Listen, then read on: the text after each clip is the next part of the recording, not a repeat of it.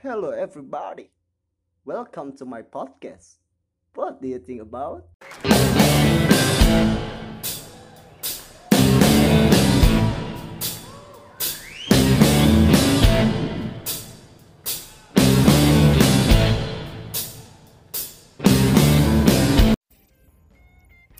Halo semuanya. Gimana kabar kalian? Sehat selalu kan? Dan semoga puasa kalian lancar semua ya. Oke, sebelum gue ngebahas uh, apaan sih? sebelum gue ngebahas podcast gue kedua ini, gue mau mendoakan kalian semua supaya kita diberi perlindungan oleh Tuhan yang Maha Esa agar tidak terkena pandemik virus COVID-19 ini dan bisa beraktivitas kayak sedia kalanya. Cie gitu. Oke, kali ini gue mau ngebahas soal Muddy Weather. The father of blues is the Muddy Weather. Oke, gue ngomong Inggris. Bener gak sih? Bener kan ya? Iya, iya. Oke. Okay. Si Muddy Weather. Oke, okay, kenapa gue ngebahas dia? Sebelumnya, karena uh, gue ngebahas dia bisa dibilang dia yang lebih me memperkenalkan gitu cila memperkenalkan ke dunia yang lebih luas. Blues itu apa? Uh, dan bukan gue nggak mau ngebahas Robert Johnson atau lebih tokunya lagi itu Wisi Handy karena menurut gue si Madi ini lebih ngerubah mindset orang soal blues. E, karena yang orang tahu blues itu sebenarnya pertama kalinya cuman bisa dimainkan oleh gitar akustik kayak harmonika dan cuman vokal gitu aja. Nyanyi dengan intonasi yang ya mirip-mirip kayak azan gitu. Pertama kalinya blues ya.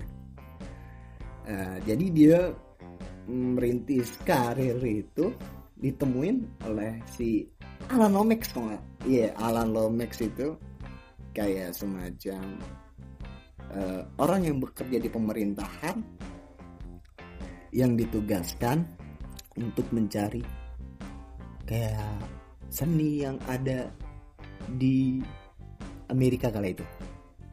Alan Lomax ketemu sama si Michael Lee Morgan Tilt ini yang nama asli Michael Lee. Na nama nah, nama Muddy Weather ini diangkat oleh masa kecilnya dia. Karena dia suka main di lumpur ya kan? Lumpur yang berair makanya dia mengangkat nama Muddy Weather ini untuk di panggungnya. Akhirnya si Alan Lomax ini merekam lah tuh si Muddy Weather uh, bermain dan di situlah awal mulanya. Waters merintis karir dan akhirnya dia mutusin pergi ke Chicago dengan wah lucu sih kalau bisa dibilang dia ngejual kudanya gitu kan. Ya namanya orang Amerika dulu kan identik sama like a cowboy gitu sih gitu. Ya dia ngejual kudanya untuk bisa membeli gitar elektrik dan kali itu pegangan dia pertama Gibson.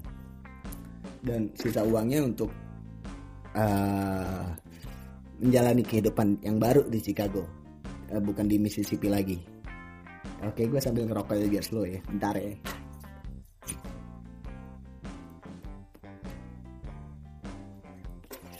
Ya. Akhirnya dia ke akhirnya dia ke Chicago dan di situlah mulai. Dia merintis karir dan juga mulai mengenal yang namanya industri musik. Ketika dia pertama merekam rekaman itu pertama di Columbia Columbia Records. Terus berjalan dia mengisi dari bar satu ke bar yang lainnya yang didominasi oleh orang kulit putih. Pada kala itu di pertengahan abad ke-19 ya sekitar 1940 akhir sampai 50 dia tuh. Akhirnya dia ketemu lah sama si Leon Arches. Uh, salah satu bapak juga sih yang bisa uh, memperkenalkan musisi musisi kala itu. Musisi musisi zaman dulu kala itu dong ya musisi-musisi zaman dulu. Akhirnya ya dia juga sendiri pemilik owner uh, owner dari Chess Record bareng sama saudaranya Bill Jazz ya akhirnya dia rekaman itu.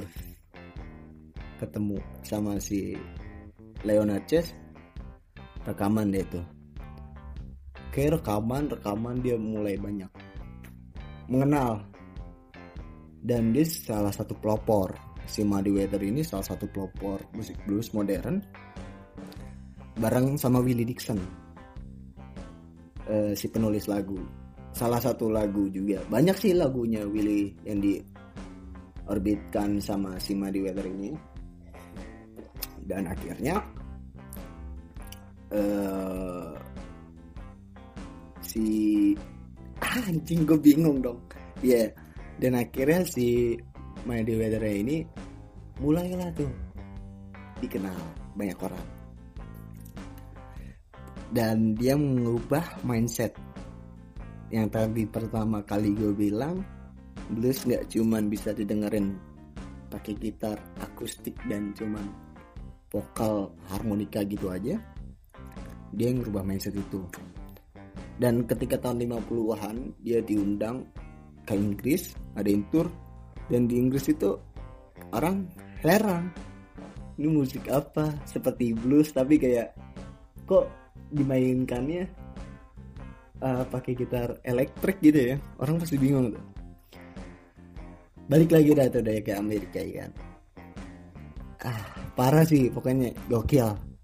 Akhirnya dia ngeluarin banyak lagu. Banyak lagu banyak album. Yang gue lihat itu dia punya punya lagu dan cover ya. Uh, dan ada lagu orang yang dimainkan mainkan iya mainkan nih mainkan gitu kayak lagu Willie Dixon ini dimainin nama dia dipopulerin nama dia. Ada sekitar 150 lagu lebih. Dan yang gue lihat dari Rolling Stone dia punya sekitar 13 album yang diorbitkan. Dan dia ini barengan sama angkatannya kayak Eda James, Chuck Berry gitu. Itu juga difilmkan apa perjalanan karir karirnya dia di film itu judul filmnya itu Cadillac Records. Ya ada si Leonard Chessy yang ini termasuk kayak kan kayak Mayweather yang ini. Ah gila gokil sih kacau ya akhirnya dia nih si Madinya ini uh, banyak sih dia menjadi panutan banyak orang juga. Termasuk The Rolling Stones ya kan? Rolling Stones itu band ya kan yang lo tahu. Tapi uh, si Jagger dan si Keith Richardsnya ini mengakui karena ia mampu apa mengidolakan si Muddy Weather sampai akhirnya dia membentuk band yang namanya dari salah satu lagunya si Muddy Waters ini yaitu Rolling Stone yang biasa kita dengar kayak Catfish Blues. Catfish Blues yang dipopulerkan sama Jimi Hendrix gitu. Gary Clark. Itu uh, awal mulanya Rolling Stone dan kayak Eric Clapton terus Buddy Guy. Apa lagi ya? Gue lupa tuh. Johnny Winter. Banyak banget sih. Pokoknya gue nggak bisa nyebutin gitu. Lo boleh riset gitu banyak uh, term, uh, orang yang mengidolakan termasuk Bob Dylan dan Jimi Hendrix pun mengidolakan beliau si Muddy Waters ini. Sampai akhirnya ketika Leo Chess pindah eh pindah meninggal uh, karena ya kencengan sih gitu. Ya pokoknya akhirnya dia meninggal ketika tabrakan. Meninggal dia dihubungin oleh dihubungin oleh Sky Blue Records yang kala itu dihuni oleh musisi-musisi Inggris. Kayak Rory Gallagher dia juga sempat berkolaborasi gitu. Dan gue salutnya ketika era 65 75 eh, 65 sampai 70 itu kan lagi benar-benar maraknya psychedelic rock blues atau segala macem lah yang berbau-berbau hypeis gitu itu dia sempat mengkomplain. Ada salah satu albumnya dia yang dia nggak sukain karena terlalu berbau rock. Sampai akhirnya diubah. Karena ya I want to be myself gitu. Cie anjing ngomong gitu. Iya gue cuman pengen jadi diri gue sendiri nggak mau jadi orang lain. Orang lain ngikutin pasarnya yang ada gitu. Dia cepat jadi dirinya sendiri. Itu yang poin yang paling gue suka. Dah sampai situ aja. Kalau kebanyakan gue nanti buka kartu yang lain. Maksud gue biar gue bisa bahas nanti gitu di episode episode gue yang berikutnya tuh. Soal si musisi-musisi yang berkaitan dengan si Multiverse ini kan? Nah segitu aja dari gue kali ini. Dan apa ya And one more time again Thank you so much For my audience To listening my podcast. And stay safe And keep healthy